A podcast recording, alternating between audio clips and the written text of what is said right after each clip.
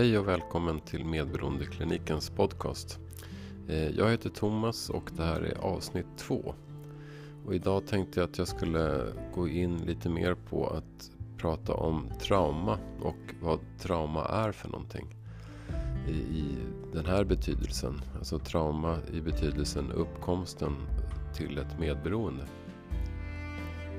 Och då också såklart prata lite mer om medberoende. Och förstår man uppkomsten, trauma, så förstår man också medberoendet och tvärtom, vice versa. Eh, och också gå in lite på hur, hur, vad det är för tjänster vi erbjuder så att säga. Men jag börjar med att definiera lite vad jag menar med trauma. Eh, och då kan man dela upp trauma i tre delar. Och det som man står i så att säga det är ju att, att vi har ett arvstrauma, det genetiska. Eh, det bär vi med oss, det, det finns där redan från det att vi blir till. Eh, och sen så har vi händelsetrauma, saker som händer. Och det är väl oftast det man ser som trauma. Eh, saker som händer som är, är faktiskt, man kan ta på det. Det är någonting tydligt och klart i vissa fall ibland så är det också sånt som kommer att dyka upp under terapins gång. Eh, händelser som man inte har haft tillgång till så att säga på ett medvetet plan. Sen har vi det som jag definierar som systemtrauma. Och det är på något sätt källan till hela problematiken. Att vi föds in i ett system, ett färdigt system som redan bor i våra föräldrar. Och för att förstå systemtrauma och förstå systemet som jag pratar om i det här fallet eh, är att om systemet är starkare än individen så att säga. Om systemet är starkare i en förälder än föräldern själv så förmår inte föräldern att vara närvarande utan den hänfaller till det system. Eh, det vill säga hur man, man möter sitt barn som man tror att man ska möta eller som man måste möta eller som man inte, man vågar inte möta det på något annat sätt eller hur det nu kan vara. Men att jag på något sätt ändå förlorar förmågan att vara där i stunden. Det gör att barnet känner sig avvisad. Alltså barnets kontakt, relation till föräldern avbryts.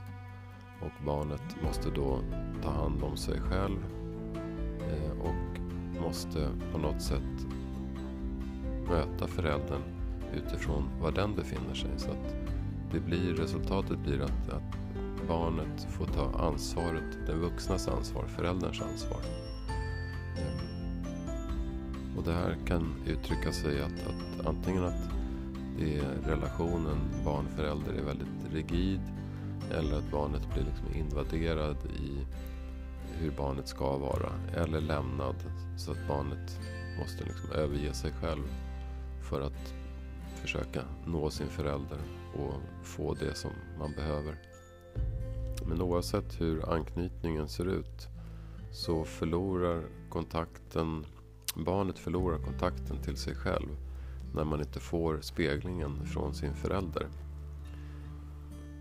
Det är inte barnet som blir speglat utan det är beteendet eller det som föräldern ser framför sig. Inte, inte själva personen, individen. Utan man blir mer som ett, ett objekt. Eller så kan man säga att, att man blir mer bemött som en, en intellektuell varelse snarare än en, en själslig människa. Resultatet av det blir att barnet känner sig som ett problem på något sätt. Alltså man måste på något sätt prestera för att få existera. Eh, och det blir att, att man känner en skuld. Eh, en skuld för att man på något sätt inte kan tillgodose ens förälders behov. Man måste vara snäll, man måste vara duktig eller man måste vara jobbig eller man måste någonting. Man måste inta en, en roll på något sätt. Eh, man får ta ett, ett vuxenansvar. Och de flesta föräldrar uppfattar på något sätt att, att man brister i, i, i sin förmåga att vara förälder. Såklart, alla föräldrar har... Det är alltid svårt att vara förälder. Och, och det kompenserar man gärna med någonting annat istället.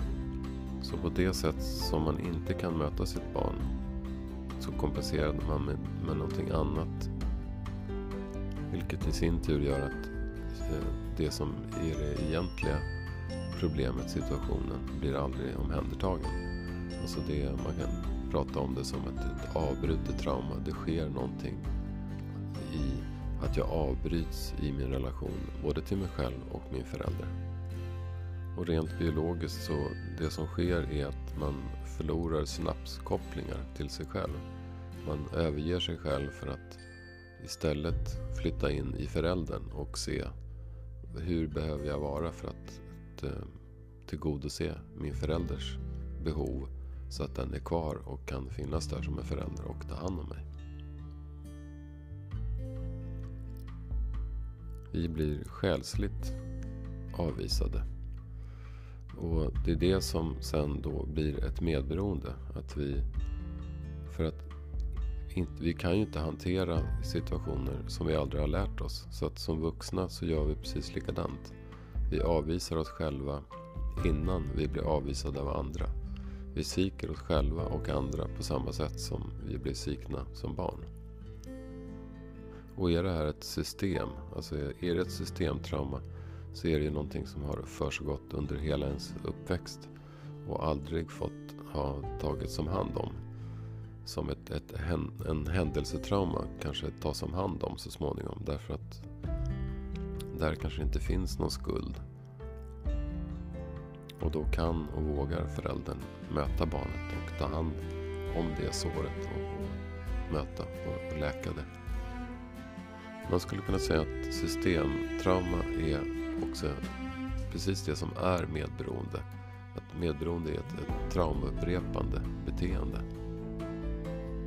Ett annat sätt att förklara den här synapskopplingsbristen som nu råder är att vi då förlorar tilliten både till livet, till andra och oss själva. Vi skapar istället strategier för hur vi hanterar situationer. Och vi, vi antar identiteter där vi på något sätt kan känna oss trygga. Där vi har kontroll över situationen. Eh, och de identiteterna, alltså en, en människa måste ha en identitet. Man behöver alltid veta var befinner jag mig. I alla möten, i alla relationer så söker vi först och främst efter var befinner jag mig? Vem är jag i det här? Vad är mitt ansvar? Vad är min del? Hur ska jag förhålla mig? Och är den frågan, är det en fråga i relation till mig själv? Att jag inte vet vem jag är. Att jag inte kan vara närvarande i stunden och vara fullkomligt transparent gentemot mig själv. Så är det just för att systemet som jag växte upp i, den kraften är starkare än min egen. I mitt systemiska tillstånd så letar jag efter att få kontroll över livet. Eh, snarare än att, att vara i livet, vara i stunden. Jag planerar medvetet eller omedvetet hela tiden för att, att möta det som jag eventuellt kommer att ställas inför hela tiden. Kan jag inte vara fullkomligt närvarande i stunden så blir det ett problem. Jag ser saker och ting som problem. Som exempel om jag känner mig på något sätt fel i relation till mina föräldrar. Att jag inte riktigt får en kontakt med dem på det sättet som jag behöver. Så kanske jag har svårt sen i, i, i förskola eller skola och så i vuxenliv att få den kontakten. Och kan redan där börja känna mig ensam eller utanför eller annorlunda. Och bär då på en, en stress, en oro i olika grad. Och även om jag är relativt medveten om mitt tillstånd och det bakomliggande och jag kanske kommer ihåg saker ur min uppväxt och så vidare. Så är det så svårt att få vara mig själv och ta mitt eget ansvar över mitt eget liv. Eftersom jag aldrig har fått göra det. Jag har alltid haft en, en makt utanför mig själv som jag har fått eh, antingen tillgodose eller kämpa emot. Så att jag har liksom det perspektivet hela tiden när jag möter livet.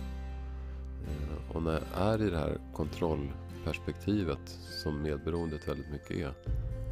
Ehm, så säger det sig självt att för att kunna ha kontroll så måste jag förenkla livet. Jag måste göra det mycket mer tvådimensionellt. Att, att allting är antingen eller. Det är rätt eller fel. Det är bra eller dåligt, vinna och förlora och så vidare. Och när jag kapar bort en massa dimensioner för att få ha kontrollen i det här tvådimensionella perspektivet så ser jag inte livet för vad det faktiskt är. Eh, jag blir liksom blind inför det som jag står inför.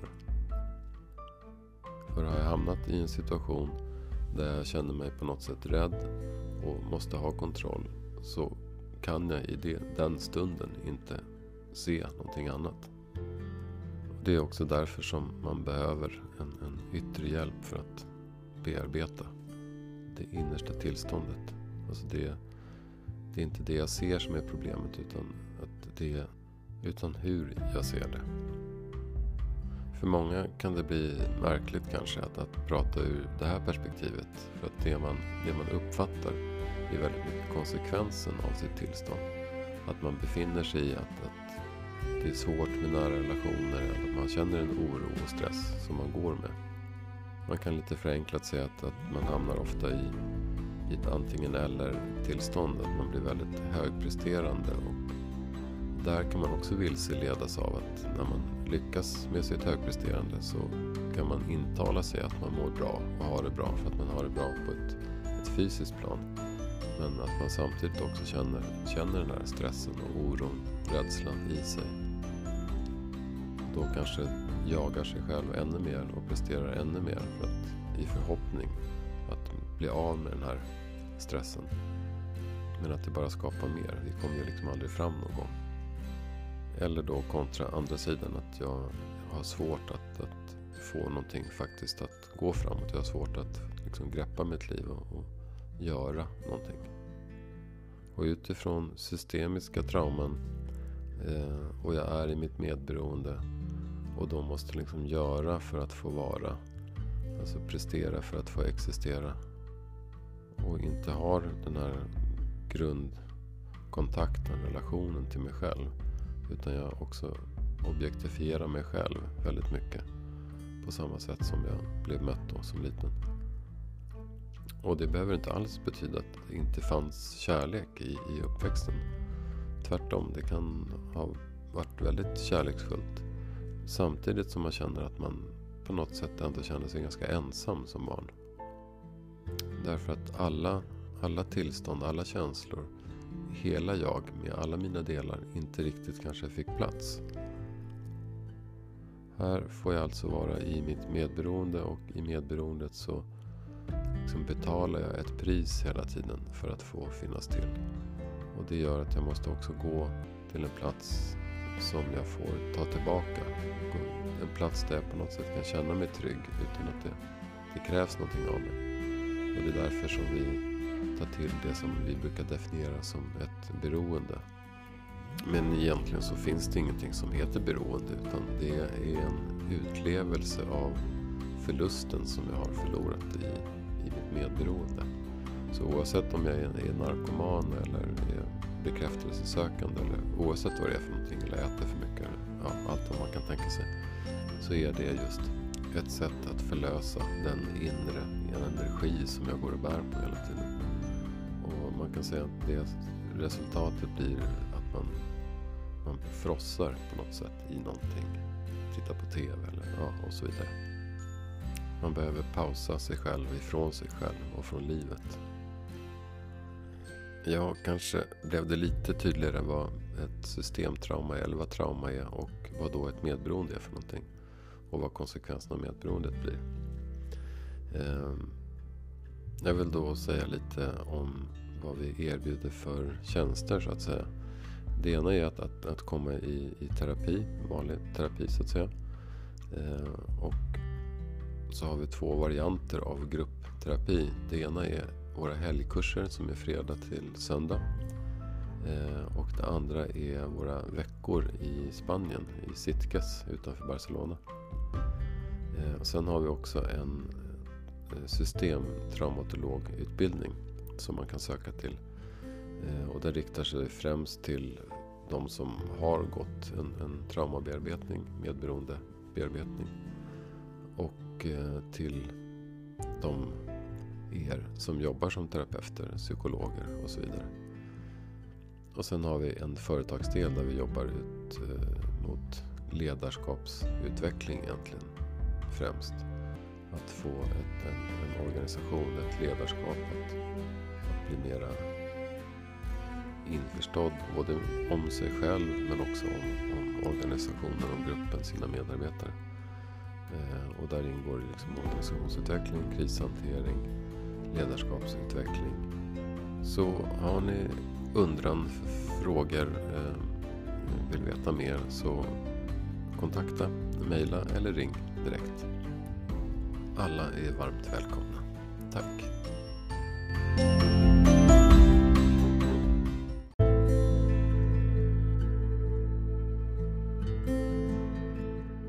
Hej och välkommen till Medberoendeklinikens podcast. Eh, jag heter Thomas och det här är avsnitt två.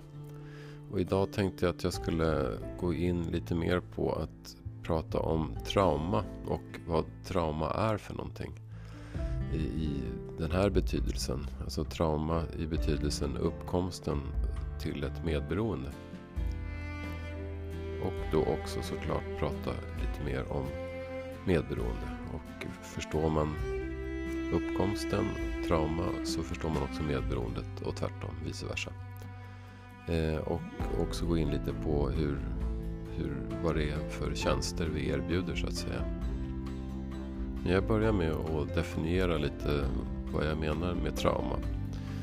Eh, och då kan man dela upp trauma i tre delar.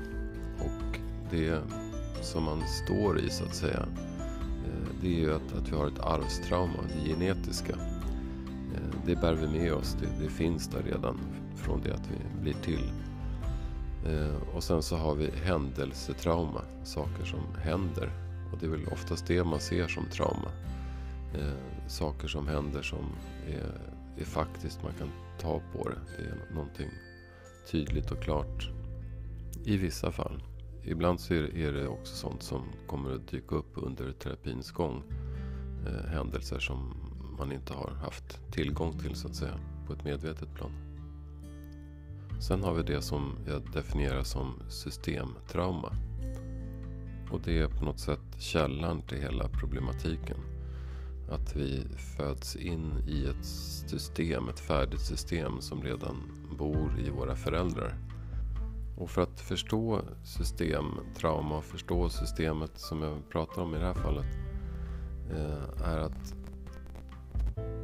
om systemet är starkare än individen så att säga. Om systemet är starkare i en förälder än föräldern själv så förmår inte föräldern att vara närvarande utan den hänfaller till det system. Eh, det vill säga hur man, man möter sitt barn som man tror att man ska möta eller som man måste möta eller som man inte, man vågar inte möta det på något annat sätt eller hur det nu kan vara. Men att det på något sätt ändå förlorar förmågan att vara där i stunden. Det gör att barnet känner sig avvisad.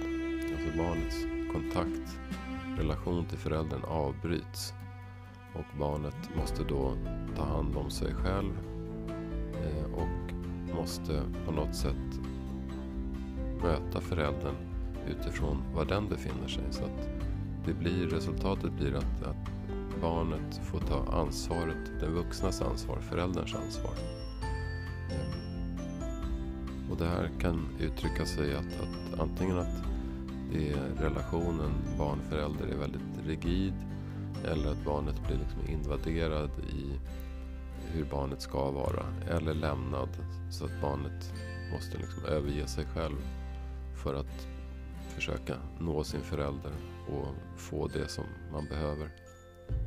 Men oavsett hur anknytningen ser ut så förlorar kontakten Barnet förlorar kontakten till sig själv när man inte får speglingen från sin förälder.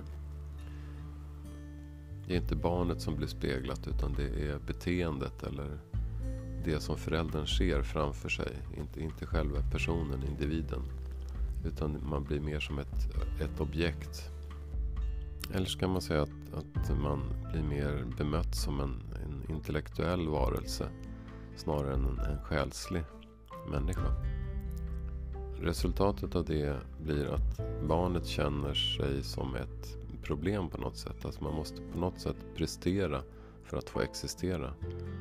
Eh, och det blir att, att man känner en skuld. Eh, en skuld för att eh, man på något sätt inte kan tillgodose ens förälders behov. Man måste vara snäll, man måste vara duktig eller man måste vara jobbig eller man måste någonting. Man måste inta en, en roll på något sätt. Eh, man får ta ett, ett vuxenansvar. Och de flesta föräldrar uppfattar på något sätt att, att man brister i, i i sin förmåga att vara förälder. Såklart, alla föräldrar har... Det är alltid svårt att vara förälder. Och, och det kompenserar man gärna med någonting annat istället. Så på det sätt som man inte kan möta sitt barn så kompenserar man med, med någonting annat. Vilket i sin tur gör att eh, det som är det egentliga problemet, situationen, blir aldrig omhändertagen. Alltså det, man kan prata om det som ett, ett avbrutet trauma. Det sker någonting att jag avbryts i min relation både till mig själv och min förälder. Och rent biologiskt så det som sker är att man förlorar synapskopplingar till sig själv. Man överger sig själv för att istället flytta in i föräldern och se hur behöver jag vara för att, eh, tillgodose min förälders behov så att den är kvar och kan finnas där som en förälder och ta hand om mig. Vi blir själsligt avvisade.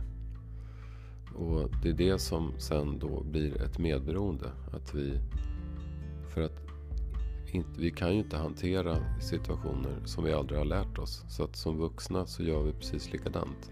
Vi avvisar oss själva innan vi blir avvisade av andra. Vi sviker oss själva och andra på samma sätt som vi blir svikna som barn. Och är det här ett system, alltså är det ett systemtrauma så är det ju någonting som har försiggått under hela ens uppväxt och aldrig fått ha tagits om hand om. Som ett, ett, en händelsetrauma kanske tas om hand om så småningom därför att där kanske inte finns någon skuld och då kan och vågar föräldern möta barnet och ta hand om det såret och, möta och läka det. Man skulle kunna säga att systemtrauma är också precis det som är medberoende. Att medberoende är ett, ett traumaupprepande beteende. Ett annat sätt att förklara den här synapskopplingsbristen som nu råder är att vi då förlorar tilliten både till livet, till andra och oss själva. Vi skapar istället strategier för hur vi hanterar situationer. Och vi, vi antar identiteter där vi på något sätt kan känna oss trygga. Där vi har kontroll över situationen. Eh, och de identiteterna, alltså en, en människa måste ha en identitet. Man behöver alltid veta var befinner jag mig.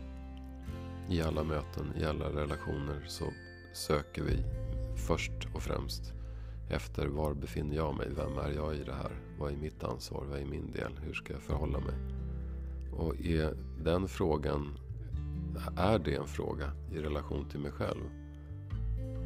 Att jag inte vet vem jag är. Att jag inte kan vara närvarande i stunden och vara fullkomligt transparent gentemot mig själv. Så är det just för att systemet som jag växte upp i. Den kraften är starkare än min egen. I mitt systemiska tillstånd så letar jag efter att få kontroll över livet. Eh, snarare än att, att vara i livet, vara i stunden. Jag planerar medvetet eller omedvetet hela tiden för att, att möta det som jag eventuellt kommer att ställas inför hela tiden. Kan jag inte vara fullkomligt närvarande i stunden så blir det ett problem. Jag ser saker och ting som problem. Som exempel om jag känner mig på något sätt fel i relation till mina föräldrar. Att jag inte riktigt får en kontakt med dem på det sättet som jag behöver. Så kanske jag har svårt sen i, i, i förskola eller skola och så i vuxenliv att få den kontakten. Och kan redan där börja känna mig ensam eller utanför eller annorlunda. Och bär då på en, en stress, en oro i olika grad. Och även om jag är relativt medveten om mitt tillstånd och det bakomliggande och jag kanske kommer ihåg saker ur min uppväxt och så vidare. Så är det så svårt att få vara mig själv och ta mitt eget ansvar över mitt eget liv. Eftersom jag aldrig har fått göra det. Jag har alltid haft en, en makt utanför mig själv som jag har fått eh, antingen tillgodose eller kämpa emot. Så att jag har liksom det perspektivet hela tiden när jag möter livet. Eh, och när jag är i det här kontrollperspektivet som medberoendet väldigt mycket är. Ehm, så säger det sig självt att för att kunna ha kontroll så måste jag förenkla livet. Jag måste göra det mycket mera tvådimensionellt. Att, att allting är antingen eller. Det är rätt eller fel. Det är bra eller dåligt. Vinna och förlora och så vidare. Och när jag kapar bort en massa dimensioner för att få ha kontrollen i det här tvådimensionella perspektivet så ser jag inte livet för vad det faktiskt är. Eh, jag blir liksom blind inför det som jag står inför. För har jag hamnat i en situation där jag känner mig på något sätt rädd och måste ha kontroll så kan jag i det, den stunden inte se någonting annat. Det är också därför som man behöver en, en yttre hjälp för att bearbeta det innersta tillståndet. Alltså det, det är inte det jag ser som är problemet utan, att det, utan hur jag ser det. För många kan det bli märkligt kanske att, att prata ur det här perspektivet. För att det man, det man uppfattar är väldigt mycket konsekvensen av sitt tillstånd. Att man befinner sig i att, att det är svårt med nära relationer eller att man känner en oro och stress som man går med. Man kan lite förenklat säga att, att man hamnar ofta i, i ett antingen eller tillstånd. Att man blir väldigt högpresterande och där kan man också vilseledas av att när man lyckas med sitt högpresterande så kan man intala sig att man mår bra och har det bra för att man har det bra på ett, ett fysiskt plan. Men att man samtidigt också känner, känner den här stressen och oron, rädslan i sig. Då kanske jagar sig själv ännu mer och presterar ännu mer för att, i förhoppning att bli av med den här stressen. Men att det bara skapar mer. Vi kommer ju liksom aldrig fram någon gång. Eller då kontra andra sidan att jag har svårt att, att få någonting faktiskt att gå framåt. Jag har svårt att liksom greppa mitt liv och, och göra någonting. Och utifrån systemiska trauman eh, och jag är i mitt medberoende och då måste liksom göra för att få vara. Alltså prestera för att få existera.